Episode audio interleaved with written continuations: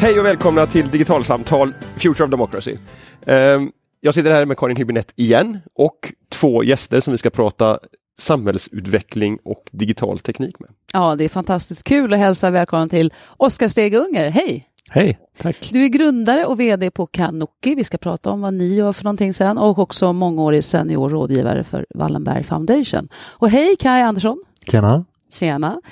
Eh, du är då något så flott som Chief Experience Officer. Jag förstod att det var husideolog egentligen och partner på Kanoki Jajamän, och också rådgivare på AI Sweden. stämmer bra. Vi har någon slags överrubrik för Future of Democracy som går någonting i stil med hur ska Sverige moderniseras med hjälp av ny teknik på ett demokratiskt hållbart sätt. Om vi skulle börja på en väldigt generell nivå, hur skulle ni beskriva de möjligheter som finns att göra just detta? Vad säger du Kaj? Jag tycker det är så spännande med digitaliseringen ända sedan jag började i slutet av 90-talet att det kan förstärka demokratin och den fria marknaden och ta tillvara på mångfalden av mänskligheten, alla våra olikheter, att vi inte längre behöver ha blåvita paket och en sak för alla. Vi ser det att människor kan blogga och dela åsikter och delta på ett demokratiskt sätt. Och AI en förlängning av det som kan ta tillvara på tusenfalt mycket mer.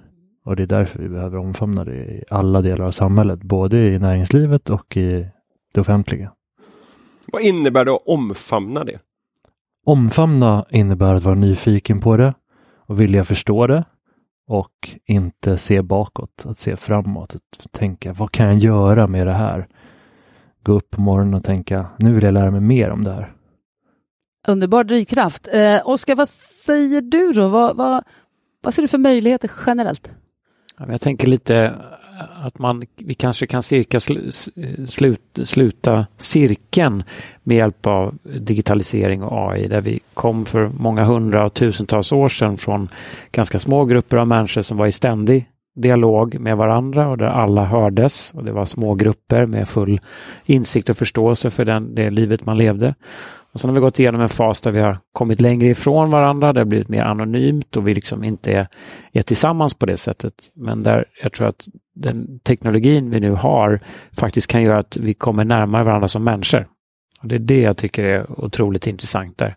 Alla kan få bli hörda igen och vi kan förstå varandra på ett annat sätt. Trots att vi är många och det är komplexa eh, relationer mellan människor. Det är en lång resa men det är det som är möjligt om vi har den visionen. Hur bra är vi på det här då, återigen på en generell nivå, att ta vara på möjligheterna? Vad skulle ni säga?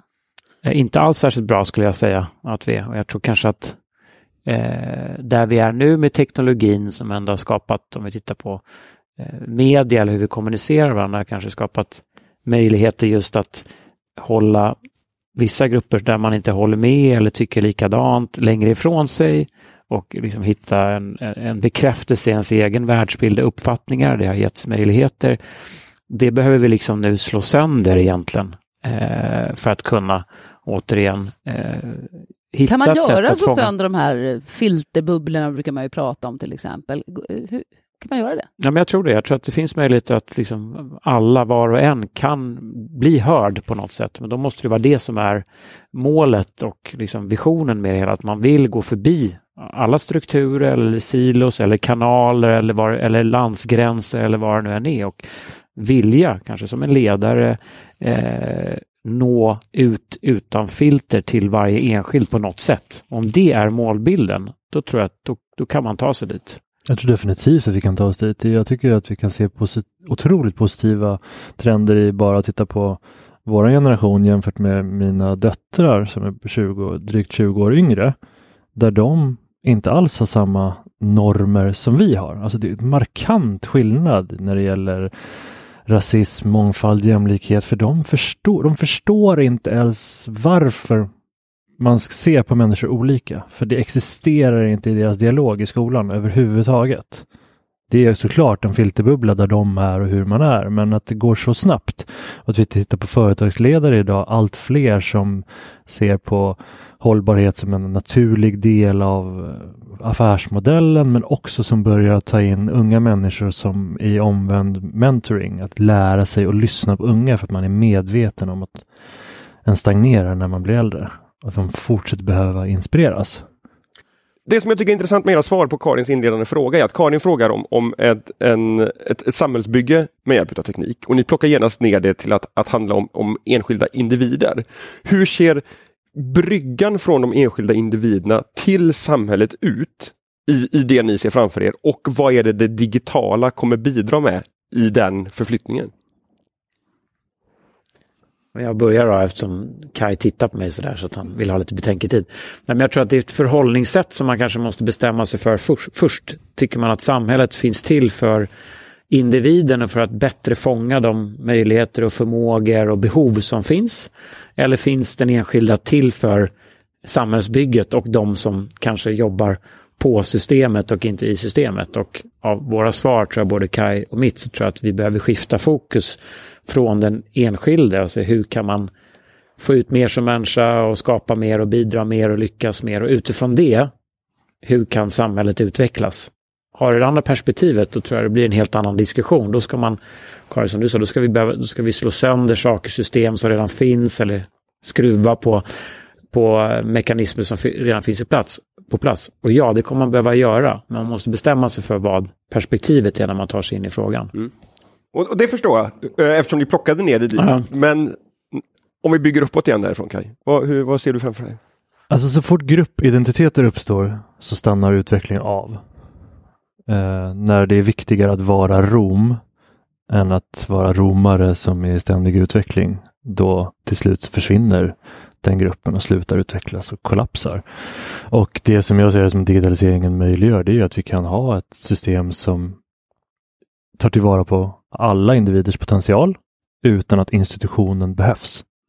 Och det är där hela webb 3-diskussionen kommer in, där vi kan bygga upp decentraliserade digitala kontrakt som tar hand om saker utan att det behöver finnas en institution eller en myndighet där människor är viktiga för att de är viktiga. Som där formatet spelar ingen roll så länge vi löser problemet och tar hand om människor. Det låter vackert, men det låter också svårt. Vad är det som kommer krävas från samhället och ledare för att åstadkomma den här förflyttningen? Eh, självkärlek. De behöver tycka om sig själva för dem de är istället för de titlarna de har. Det är som filosofiska rummet det här. Mm. Det är inget fel med det. Nej, men på riktigt. Eh, det, det, det, det låter som att det handlar om en decentralisering av makt kanske. Uh, Vad jag far efter är vilka behöver, vem eller vilka behöver ändra sig mest? De som har mest makt idag. De behöver ge upp den lite grann, eller? Uh, ja, det behöver de. De behöver uh, värdesätta demokratin högre. Och vad, nu är jag lite krass här då, och vad talar för att de skulle göra det? Annars kommer demokratin inte överleva. Mm. nu är det verkligen Future of Democracy vi, mm. vi, vi, vi, pratar om här. Eh, ni har Canucci som är ett bolag som ska verka inom det här på något sätt. Vad kan man från ett, vad, vad är det ni gör med Canucci?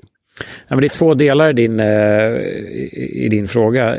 Jag tror ändå att eh, man skulle kunna jämföra vilket företag som helst med eh, en ledarskap och ett samhälle och fråga sig, är det här en diktatur, en autokrati eller är det en demokrati? För det är vilket ledarskap du väljer att applicera. Är det top-down, där du har bestämt utan förankring längst ut i kapillären att det här är strategin och vi är på väg dit. Och sen ska du trycka ner det genom, om man får vara lite krass, propaganda. Du väljer ut vad du ska göra, det här är vår bild och vi ska dit och vi ska vinna över alla de andra. Eller kan du tänka dig ett annat sätt att leda ditt bolag där du blir ledd av dina medarbetare som ju sitter längst ut och har kunskap, förmågor. Liksom, du har ju i många stora svenska bolag tiotusentals sensorer som kan massvis där ute. Kan du tänka dig att bli ledd av dem?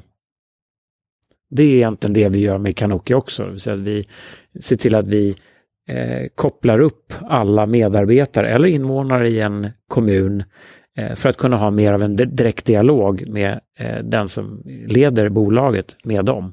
För att kunna egentligen co-creata och förstå vad är det vi behöver satsa på, vilka beslut ska vi ta, vad ska vi göra? Och om man nu vill detta, eh, beskriv lite hands-on, hur går det till eh, när ni gör detta inom Kanoki? Ja, men vad vi, gör, eh, vad vi gör och vad vi kommer göra, för vi har ett och, ett och ett halvt år på nacken. Det första vi har gjort nu med ett antal kunder, det är att ställa en enkel fråga ut till organisationen. Det skulle kunna vara, eh, det här är ett fingerat exempel, vad får dig att gå till jobbet på morgonen? Och så ställer du den frågan på ett sätt så alla kan förstå den och du kan svara på vilket språk du vill och med vilken grammatik du vill och du anstränger dig för att nå hela vägen ut. Det ska vi prata om sen också för det har, där har vi en, en demokratisk utmaning ju. Eh, och så fångar du in det här och då, då börjar du förstå vad och hur går det till praktiskt? Ja, du, man, man, man ställer, ut, ställer en fråga ut till en organisation så att alla får möjlighet att svara på den via en QR-kod. Och så är det eller via 10 ett 000 e-mail. anställda går detta Exakt. Så kan det vara, som något fall som vi har jobbat med nu, så har det varit 15 000 anställda som svarar på den här frågan och spenderar 20 minuter i att reflektera över den här frågan. Och då kan vi med hjälp av AI, då, med Natural Language Processing, fånga upp vad finns det för mönster här? Vad är det folk ser som problem eller utmaningar? Vad förenar kanske eh, kvinnor i ledarskapspositioner med personer som jobbar i den här delen av världen? Hur ser de på de här viktiga topicserna som kommer upp på olika sätt? Så du får liksom en, en, som en kartbild och någonstans en prioritering som är aggregerad av tiotusentals röster. Vad pratar de om i det här landet och varför hör inte vi det när det har filtrerats bort via sju chefsled? Så det här är att, att ta där vi började och, och, och prata om, om samhällsnivå och individer i samhället. Att, Ja. att flytta, krympa det systemet till att, till att vara en, en enskild aktör i det privata näringslivet istället. Till exempel, eller en kommun eller något, någonting annat givetvis också. Ja, vi gör ju det här nu, alltså diskuterar det här på samhällsnivå också på regionnivå i Ja. Sverige. Just för att vi både i näringslivet, i ett företag och i politiken så frågar vi om samma områden om och om igen. Vi utgår från den befintliga sanningen eller den verklighet som vi ser. Vad tycker ni om det här? Men det pratas ju om andra saker. Ja, sjuk, ska vill ni rösta på sjukvården, försvaret eller vad det nu är mer för valfrågor? Men samhället, alltså mänsklig, alltså människorna tycker ju att något annat är viktigare. Så det här är ett sätt att egentligen fånga in allas individuella röster, hitta ett, eh, systematisera det, kunna visa ett mönster och någonstans på riktigt höra vad folk tycker och tänker. Genom AI så blir det här liksom praktiskt möjligt. Ja, kan man säga så? säga. Det är som en läkare som du går in och du liksom ställer en viss fråga till dig och försöker se, jag tror att du har ett problem med det där och försöker borra i djupet. Eller istället försöka fånga upp alla signaler som din kropp och du avger för att förstå vad har vi grundproblem, vad är det viktigaste egentligen och hur hänger de här symptomen kanske tillsammans. Det är första steget, sen det steget som kanske är relevant sen, det är när man gör det här löpande och hittar ett sätt att löpande förstå för att också se den medicinen som vi nu ordinerar eller de beslut som vi tar som ledare, vad ger de för effekt? Får vi en, en person som mår bättre av det här eller en organisation som mår bättre? Då börjar det bli verkligt intressant. Då går vi från diagnos till en förändring. Det här låter ju som, som liksom ett, ett nästa steg på, på en, en medarbetarenkät. Men istället för att svara på en, en skattningsskala på, på 15 frågor så får du möjlighet att uttrycka dig som du själv vill. Och sen så tar man tekniken till hjälp för att ändå kunna jobba med 15 000 svar. Mm. Kan ni ge något exempel på, eller liksom så här, beskriva, vad är det för typ, vad, vad blir skillnaden för mig som, som företagsägare när vi inte använder liksom en, en fyrkantigt frågematris utan ett tomt fritextfält och ni skapar tekniska möjligheter att faktiskt dra ut kunskap ur det. Vad, vad är det för typ av nya insikter du får? De digitala verktygen hindrar oss från att eh, vinna affärer i Storbritannien. Det måste du utveckla Kaj. Okej, de digitala verktygen som vi använder just nu på det här kontoret i Storbritannien gör att det, vi inte lyckas eh, få nya kunder för att de är för komplicerade. Ah, Okej, det, det är en typ av utav kunskap som Typ du av hämtar insikt, ut. Yes. för att många skriver det yes. och tar upp det och vi kanske använder oss av att vi lyssnar på den generella kanalen i Slack så att det kommer direkt istället för att det kommer efter två års av utredning när vi har tappat flera hundra miljoner. Så den, den vägen kan du hitta väldigt affärskritiskt viktig kunskap som finns, Mm. men som du aldrig någonsin skulle ha fångat i de här, för du hade inte ens ställt frågan om det här systemet på, det, på, på marknaden i Storbritannien. Ja. Därför du är inte, det är inte så en typ, den typen av medbo, medarbetarenkät eller medborgarenkät är, är uppbyggd. Du vet inte ens att du ska fråga om det här Exakt. verktyget. Nej, vi frågar ju Det också saker som, när vi gör traditionella undersökningar, både enkäter på TNS och SIFO och eh, medarbetarundersökningar, så frågar vi ju frågorna utifrån att vi redan vet vad vi vill ha ut för svar. Det är ju som politiska undersökningar. Mm. Alltså, de, vi frågar ju, folk svarar det de vill eh, hu, utifrån hur de vill uppfattas. Inte utifrån vad de faktiskt kanske verkligen tycker. Jag tänker, jag och Karin som journalister har alltid pratat om att om man ska ställa öppna eller slutna frågor och att Ja. det är bättre att ställa så, öppna frågor. Men Ja. Det beror också på hur mycket tid man har. Anders. det beror absolut på hur mycket tid man har. Men det, för, jag- att, det- för att addera en sak till det, för det är det ena liksom där, vi, där vi, så här, man genererar insikter, alltså vi, vi triggar att insikter kommer på ett litet nytt sätt och man slipper HR kanske och andra filtreringar. Och, och, men det som, som är intressant och dit vi är på väg, det är också så, mycket av den data som genereras hela tiden i en organisation kring hur man beter sig eller rör sig eller har möten eller, eller längd eller vilka man interagerar med eller när All man kommer till jobbet, alla mejlkonversationer som ju säger massor om beteende, det vill säga kulturen. När du börjar koppla det till vad folk tänker och känner och det du hela tiden mäter, nämligen kunderna eller eh, effektivitet eller annat, då börjar du få en bild. När du sen kan göra det löpande, då är vi dit vi är på väg till Kanuki. Jag tror man kan göra paralleller till demokrati också, hur man kanske skulle kunna tänka sig leda en region eller en kommun eller ett land. Om man har en tydlig vision. Vi är på väg dit. Hur fångar man krafterna? Hur... Men för att återkomma lite grann till det jag var inne på innan, vilka som behöver ställa om. För jag menar, inget företag har, ja, hoppas jag, en strategi som man inte tror är för företagets bästa och säkert många gånger för de anställdas bästa och sen har man en struktur och organisation som ska möjliggöra detta. Eh, vad händer, vad, vad tror ni kommer hända på sikt om man jobbar så här med ledarskapskultur och med de sju mellanchefslagren du pratade om Kai? Eh, för förändring är oftast härligt i teorin för många, men kanske inte alltid i praktiken. Vi har ju sett det förut de senaste 25 åren. Om vi tittar på Nasdaq, de som eh, omfamnade internet och förändrade sig, de är kvar på Nasdaq. De bolagen som inte gjorde det är inte kvar på Nasdaq. De finns inte längre. Men är man säker på att det är också deras företagskultur som har ändrats? Är det Inte bara att de säljer produkter som vi alla vill ha? Kan det inte vara så enkelt?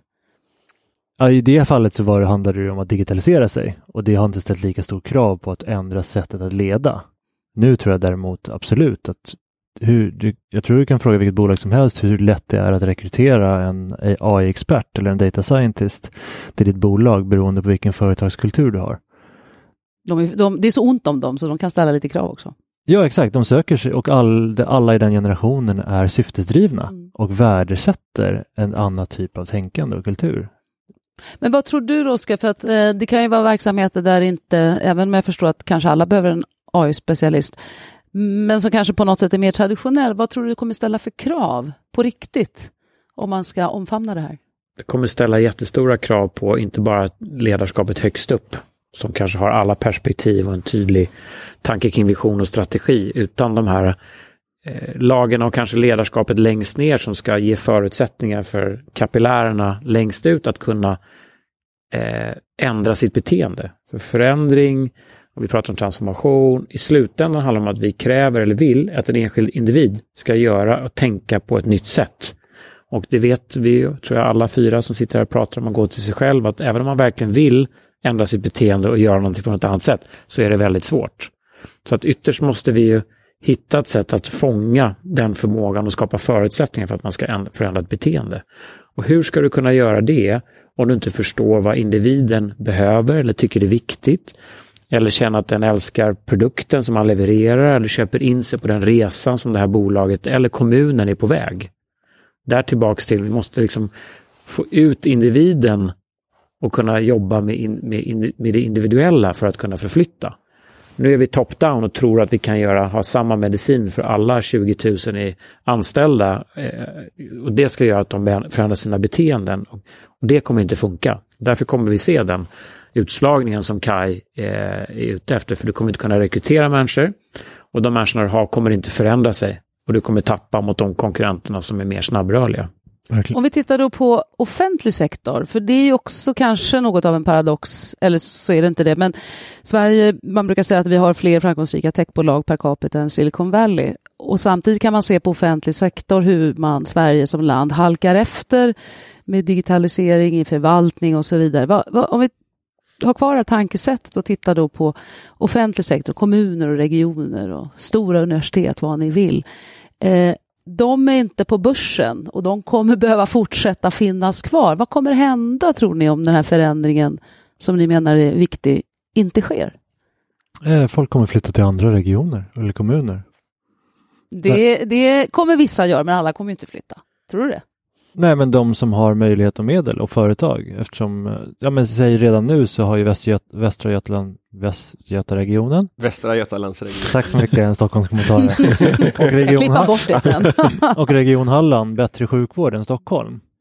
Just idag så kanske det inte spelar någon jättestor roll för vi har möjlighet till privat sjukvård men så småningom så blir det en demokratifråga down the line. Och vi ser ju också att Sverige har tappat 10 procentenheter på demokratiindex de senaste tio åren. Om vi fortsätter på den, då kommer det ju bli, det kommer bli olika samhällsbild i olika delar av Sverige. Och det kommer påverka hur företag kan etablera sig. För att ta ett konkret exempel, det är Skellefteå. Då har vi kommunchefen Kristina Sundin Jonsson som för tio år sedan bestämde sig tillsammans med politiska ledningen att göra en medborgardialog. Verkligen förstå hur ska vi vända trenden för den här kommunen som avfolkas och allting. Ja, långt innan batterifabriken. Långt innan batterifabriken. Men det hade nog inte blivit en batterifabrik där om de inte hade gått ut och förstått vad, vad tycker våra medborgare, vad är viktigt, vad är våra tillgångar, vad är våra utmaningar. De var sedan redo, hade gjort den här första dialogen när den här möjligheten kom och de lyckades fånga den med en bättre value proposition till Northvolt. Så jag tror att vi kommer se både att kanske folk inte vill flytta dit eller inte, men vi kommer ju se investeringar kommer flöda till de kommunerna eller de regionerna där det finns den typen av ledarskap. Och tror ni att det här eh, löser sig självt om eh, man nu anammar ert sätt att tänka så att det här måste vi göra för annars händer X, Y, Z. Eller behöver staten kliva in? Behöv, behövs det någon slags nationellt engagemang eller ansvarstagande eller strategi eller vad tror ni? Jag kan koppla tillbaka till det du sa, man, man brukar prata om att Sverige har fler startups än Silicon Valley per capita. Det stämmer inte. Det är någonting som vi är väldigt bra på att säga i Sverige. Så bra är det inte. Nej, vi har väldigt många startups.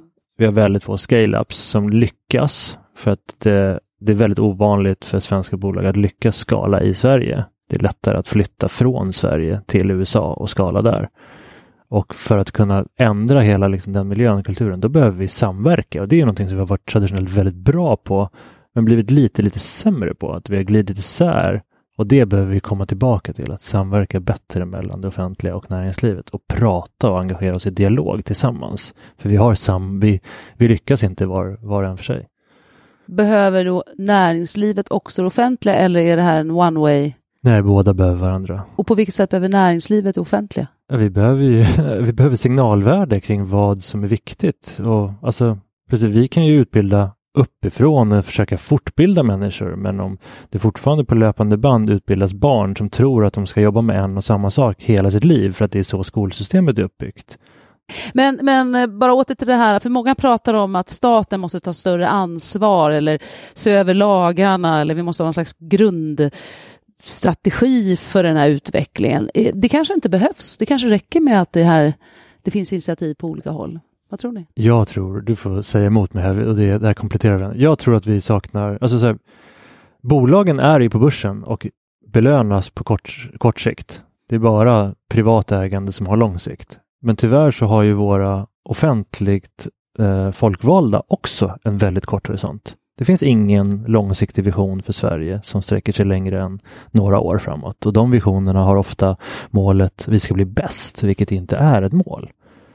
Medan just Skellefteå sätter ett mål för vad ska vi bli på lång sikt. Varför är Kanada AI-ledande? Jo, för att de, de pratar om okej, okay, vad konkret behöver vi investera i för att uppnå vad om 10, 20, 30, Och när 40 du säger år? Kanada, menar du det liksom eh, på nationell nivå? Nationell nivå. Regeringen går in och sätter mål på, på flera årtionden sikt och så investerar de därefter.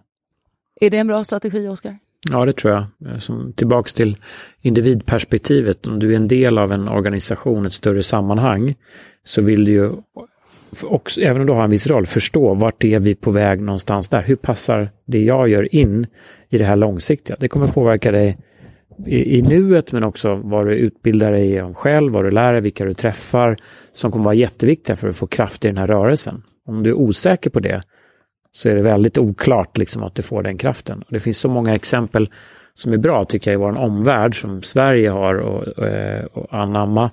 En konkret, är, nu sitter jag i styrelsen i SAS då, så det får bli lite flygrelaterat, men Danmark har en väldigt tydlig flygstrategi.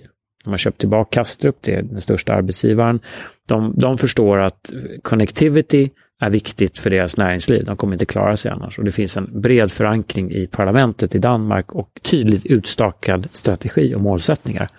Då får du en kraft av alla aktörer för att nya företag eller människor som vill in i det här vet vi ska dit. Här kommer det finnas möjligheter. Det här kommer krävas av mig. Har man inte det så blir det väldigt hattigt. Det behövs en långsiktighet helt enkelt. Ja, och det är klart, hela vårt system som Kaj är inne på, det politiska systemet med var fjärde år och börsen egentligen motverkande krafter till det. Så det är frågan, hur kan man ändå klara av det här som egentligen är emot systemets natur? Det är frågetecken. Jag måste få komma tillbaka till ert verktyg. Teknikjournalistin sitter och, och, och, och, och spinner här nu. Och, jag funderar så här. Um, vad krävs för, hur ser diskussionerna innan en av era kunder bestämmer sig för att, att börja använda ett sånt här verktyg? Vad, vad, är det, vad är det ledningen förväntar sig att de ska få ut utav det och hur förhåller man sig liksom från ett ledningsperspektiv till att kunna börja lyssna i detalj och inte bara ställa de här grova frågorna? Jag kan börja då, för det, det, är ett nytt sätt lite grann, det är en ny möjlighet du har att koppla upp det mot de, eh, de anställda. Mm. Så det finns inga svar tror jag, eller så här, eller en blueprint, så här ska man göra. Ja, det är det jag tänker, för det här låter som någonting helt nytt. Ja, exakt, så det, och det kräver mycket. Men jag tar ett exempel då, för det kan jag prata om, med, med SKF. Då, då jobbade vi med Rickard Gustafsson som hade kommit från ett SAS. När han tog det jobbet så blev det en kris eh, och så han behövde in och peka med hela handen för att inte bolaget skulle gå omkull för 12 år sedan. Den bilden av honom och hans ledarskap satt fast under de tio åren han var vd där, trots att han är en, ganska, han är en väldigt öppen och transparent ledare. Så skulle han in i en ny bransch och fick chansen igen att etablera sitt ledarskap i ett bolag. Och då eh, pratade vi ihop oss och sa, men om du gör på det här sättet att du bjuder in alla och ställer en öppen fråga, då kommer du ett, visa vilken typ av ledare du är. Så hans, i första meddelandet ut till organisationen så sa han, i en drömvärld så hade jag velat sitta ner med var och en av er 40 000 och verkligen förstå vad är våra möjligheter och utmaningar. Det kan jag inte, men vi kan komma ett steg närmare. Svara på de här öppet ställda frågorna och jag vill att ni alla ska svara. Först då kan jag bli den ledare som kan utveckla det här bolaget. Så han skickade en väldigt tidig signal. Det här är mitt, ledar, mitt typ av ledarskap. Den andra positiva effekten är att annars när du kommer in som ny vd eller chef någonstans, då är du ju beroende av de som är i din närhet som säger, ja men det här är vår kultur, så här funkar, de där funkar inte riktigt bra och här går det trögt och där. Här får du en neutral, som inte människor har varit inne och liksom fipplat med, bild av vad folk tycker och tänker. Så att du kan säga, jag skiter i vad någon i ledningsgruppen har för åsikt om det här, därför det är så här vi uppfattas. Vad gör vi åt saken? Den tredje, ska du, ska du vara relevant för en människa måste du säga något som är relevant för den, mm. inte för dig. Så det betyder att här så kan han nu när han är ute i världen och besöker de olika kontoren, eh, när han är i Brasilien så kan han tydligt säga, jag vet att för er här i Brasilien, förutom det här som är viktigt för hela organisationen, så är ni frustrerade över att ni kommer med massa lösningar och eh, eh produkter som inte vi kan skala tillräckligt mycket i resten av världen. Jag förstår det. Vi ser er, vi ska jobba med det, här finns det möjligheter. Så du kan göra det relevant. Men här, när jag sagt alla de här sakerna så förpliktar det ganska mycket. Han måste ju leva på det här sättet som ledare sen och han måste fånga, han måste fortsätta ha den här dialogen. Och det är klart att det känner nog inte alla ledare att de är kapabla att göra. Nej, jag tänkte just det, när du säger det här att han, han, kan kliva in i den här nya rollen som vd på SKF och säga att jag vill lyssna på er allihop. Det kan ju, hade ju tidigare bara blivit en plattityd. Ja. Därför då har det blivit sju frågor som man ska... Och, och, men nu kan man då... För, för, för, det som jag då tycker blir spännande här är när du kommer till det tredje steget, när han är i Sydamerika, att då kan man göra den analysen med hjälp av tekniken på de som har svarat som finns här. Jag, jag, jag, jag kan få ett mycket, mycket närmare... Ja. Det är ju det hela tiden vi har pratat om, ja. där, hur kommer mm. du närmare individen? Sen så finns det ju, och, och vi liksom sätter ju en gräns kring hur lite populationen Eh, måste vara för att det ska vara på något sätt rättvisande och vi är inte intresserade av vad en enskild person tycker. Men vad man kan göra då, liksom data science-mässigt, är vi, vi använder, vi gör alltid några förval. Eh, så att man kan välja om man tycker kön är viktigt eller om man har personalansvar eller om man är customer facing eller hur länge man har varit i bolaget. För då kan du börja se andra mönster som kanske förenar. Oj, vi, de här två delarna i organisationen tycker exakt samma mm. sak. Varför då? Och de kanske borde egentligen jobba ihop på ett annat sätt, men vår struktur ser inte alls ut så. För utgår du från hur den organisationen och strukturen du har, det är ju en reflektion av kanske i SKF-fall 100 år. Och så börjar jag ställa frågor utifrån det. Men den där chefen, vad tycker de i den här? Då har du antagligen tappat massa insikter och möjligheter. Du behöver lite grann börja med ett vitt papper och sen fundera på hur skulle man kunna bygga den här organisationen baserat på vad folk tycker och tänker och kan och vill. Mm. Jag vill lägga till en sak här också. Det är att det är lätt att tänka sig att och ut ur det här kommer ett tydligt recept med en jättetydlig lösning. Det är inte nödvändigtvis det som är den största vinsten. Den största vinsten är att få en gemensam insiktscanvas som saknar mänskliga åsikter. Bara att säga att alla ni tycker att vi behöver satsa på luftkvaliteten gör att det är ingen som säger det, så det blir inget hot, det blir ingen kritik, det är någon en objektiv datapunkt som vi kan diskutera kring och utvecklas tillsammans kring. De går inte in och är emot varandra och det är ett otroligt starkt värde i att göra det här. Vad är, vad är en insiktscanvas, Kaj? Insiktscanvas. en gemensam plats där alla kan se vilka insikter är det vi pratar om. Här är ärlighet, transparens tillsammans. Det är inte, vi säger inte att du ska gå annorlunda, men vi säger att alla behöver gå. Okej, okay, låt oss prata om det utan att det kommer in någon. För att I en traditionell undersökning då är det ofta så ja, insikterna kanske är intressanta. Sen skriver någon avdelning en analys på det och så använder de sina ord på det och sen när det kommer tillbaka då känner jag inte igen det här längre för det är ett konstigt managementspråk nu, nu har vi pratat om det här ur, ur ett ledningsperspektiv, mm. ur ett vd-perspektiv på SKF. Hur, hur, hur tas det här emot liksom från, från medarbetare, från, från fack? Liksom så här, vad, vad, hur... Jag har haft jättemycket, både jag och Kaja, otroligt mycket diskussioner med många fackliga, både ledare och företrädare. Eh, för någonstans gör ju vi lite grann det som facken gör hela tiden nämligen fångar vad medarbetarna behöver för att utvecklas och trivas och vara trygga i sina jobb. Så att de är jättepositiva. Vi har facket med oss i ett advisory board till en, en kund vi jobbar med nu. Och i, kan jag nämna igen då, i SKF-fallet så var ju facken väldigt engagerade och involverade för att nå ut. Och det krävs. För det räcker inte att skicka ut någon länk bara eller vara anonym utan du måste prata med ledarna och ledaren måste stå bakom det här och prata på town halls och så. Så att jag tror att eh, det är en jätteviktig aspekt det som är faran här och risken, det är att du skapar förväntningar. De måste du kunna leva upp till. Så att om du tror att du kan göra en quick fix och liksom få engagemang och det här är jag som ledare, så kommer det bara förstöra för dig längre fram.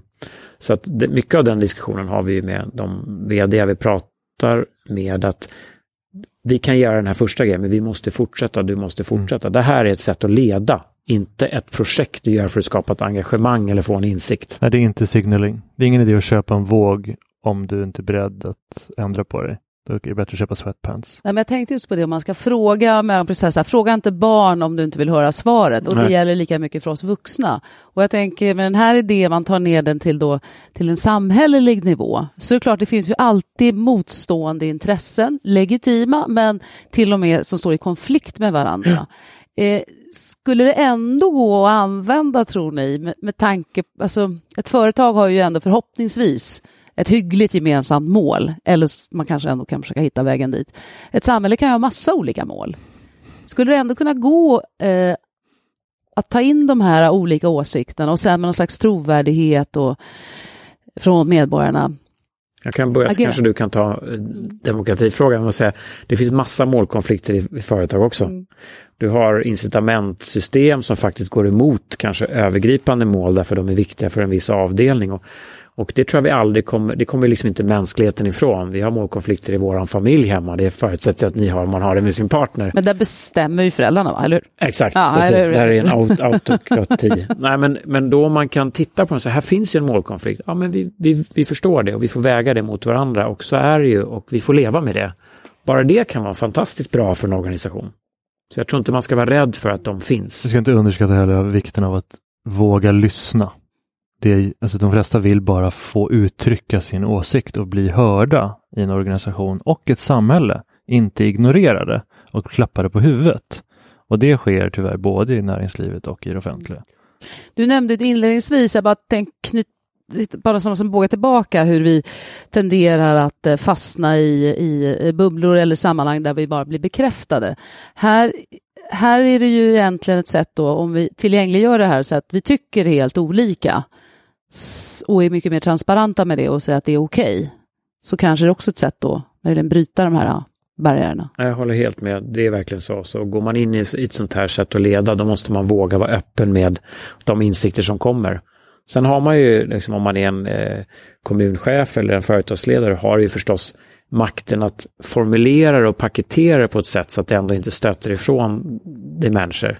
Men jag tror att du måste vara beredd att lägga liksom, insikterna på bordet och då tror jag då vinner du ju förhoppningsvis förtroendet och folk kanske skriver lite mer nästa gång och lyssnar lite mer och engagerar sig lite mer. Det Vad händer med politiken i det här? Blir de obsoleta? Jag tror att demokratin blir väldigt mycket starkare. Jag tror att partipolitiken och blockpolitiken blir obsolet. Men betyder det ett samhälle utan politiska partier då eller? Det skulle det kunna vara, absolut. Det skulle kunna vara grupperingar i olika frågor. Tänk på den allmänna motionsperioden. Det är säkert förmodligen hundratals motioner som handlar om samma saker eller närbesläktade saker. Men nu behandlas de olika för att det spelar ingen roll vad som står i dem, bara vilket parti som är avsändare. Där skulle er teknik kanske kunna komma in, så Då vi kan skulle se man till mönstren. exempel kunna gruppera ihop samma människor och säga hej, vad, låt, vad sägs om att ni samverkar kring det här som är viktigt för medborgarna snarare än att vinna politiska poäng? Mm. Vi kom in på ert verktyg efter att ha pratat om demokrati och samhälle. Men de konkreta exempel som har kommit är hämtade från det privata näringslivet. Har ni närmat er det offentliga? Nå- Vilket, vilket politiskt parti blir först på att lyssna på, på sina medlemmar istället för att ha en, en, en partistämma en gång om året? Att, att liksom så här, låta alla politiska gräsrötter faktiskt löpande få tycka till Kaj, du sitter och vinkar. Eh, det politiska partiet som vill boosta sina röster mest. Mm. Alltså det partiet som agerar på det sättet kommer vara the Google of politics. Och då De kommer- kanske inte man ska gå utanför just medlemmarna och gå lite bredare med tanke på hur många medlemmar de förlorar hela tiden. Ja, men det partiet som säger så här, vi kommer börja lyssna på er och engagera er och i dialog hela tiden för att ni kommer vara en del av vår rörelse framåt. De kommer ju bete sig helt annorlunda jämfört med alla de de konkurrerar med och erbjuda ett helt annat alternativ. Helt plötsligt spelar de inte på samma spelplan längre. För, för det, det, det är det som ligger och skaver, eller jag ska inte säga skaver, men, men som har börjat snurra i huvudet på mig här. Liksom det här att, att det här blir ju också någonting annat än en opinion, eller har potential att vara någonting annat än en, en opinionsundersökning som något utav opinionsinstituten i Sverige gör för att ta reda på vilka av de här sju frågorna är viktigast för dig i nästa riksdagsval. Så här finns åtminstone en öppning för att förstå politiska önskemål på ett annat sätt. Men jag tror att man kan göra väldigt, en enkel bild som jag har varför det är ju antingen går du till en människa och säger så här, vad tycker du om den där saken? Och så svarar den på det och sen går du iväg och sen så aggregerar du massa och så gör du massa saker här borta och sen har du lämnat det. Eller så sitter du runt ett bord med sju personer och hela tiden resonerar och brainstormar kring hur man ska utveckla någonting. Det är ju det egentligen vi tror att det måste man göra och även göra i, i full skala. Och en dialog eller ett samtal det är en dialog eller ett samtal. Det är inte att man mäter någonting eller är det 7,2 eller 7,8 vad tycker du om den frågan? Det är inte särskilt trevligt middagskonversation att säga vad tycker du om den här frågan? Jag tycker så. Bra. Och sen så går man iväg och gör någonting med den. Det, det är inget samtal. Men, men hur stökigt blir det i en organisation när man börjar lyssna på det här sättet? Jag tror att kan, kan, det kan bli extremt stökigt om du inte har, kanske redan innan, väldigt tydlig vision och tanke vad du ska. Och du ska ta dig dit. Så det är inte up for discussion egentligen. Då kan man lämna företaget. Vi ska dit, vi ska bli bäst på det här, det här är det vi ska göra för samhället, för våra kunder. Då tror jag man klarar av det. Om det svajar där, och det tror jag det gör hos väldigt många, då är risken att det blir lite kaotiskt och du tappar fart istället. Och det har ju vi märkt också nu med dem vi har dialog med om att göra, alltså engagera sig i ett partnerskap och göra saker med. Det krävs en vision och en, en framtidsbild för att det ska gå att göra det här. Det också, blir också ett väldigt tydligt test. Vet de ens vart de ska? Nej, då, då är det ingen idé att ha en dialog, för då kommer vi bara ha en dialog som gör att vi står kvar och stampar i, och går runt i cirklar. Jag skulle vilja ta tillbaka till den här eh, bilden av att man sitter sju stycken runt ett bord. Ja. Vad är det som gör att en människa, kanske inte, om den inte känner alla de andra sex, sex känner sig trygg att dela med sig av sina erfarenheter eller säga vad den tycker och tänker. Det är ju liksom det man alltid måste förhålla sig till. Om du vill att någon ska våga vara öppen eller dela med sig, då måste man skapa någon miljö där man känner sig trygg. Tydlighet, att man beter sig på ett bra sätt. Och, men oavsett om det är data eller inte, du kommer inte ifrån de liksom mänskliga delarna av ett ledarskap och skapa det i en organisation eller en kommun eller ett land. Annars kommer du ändå aldrig få människor att bidra och våga och vara öppna. Om vi ska börja knyta ihop det här lite grann. Man kan ju någonstans se att för ett företag, eh, i alla fall ett eh, lite progressivt företag, så finns det stora vinster. Man kan förstå att jag har kloka medarbetare. Tänk om jag visste mer vad de tyckte.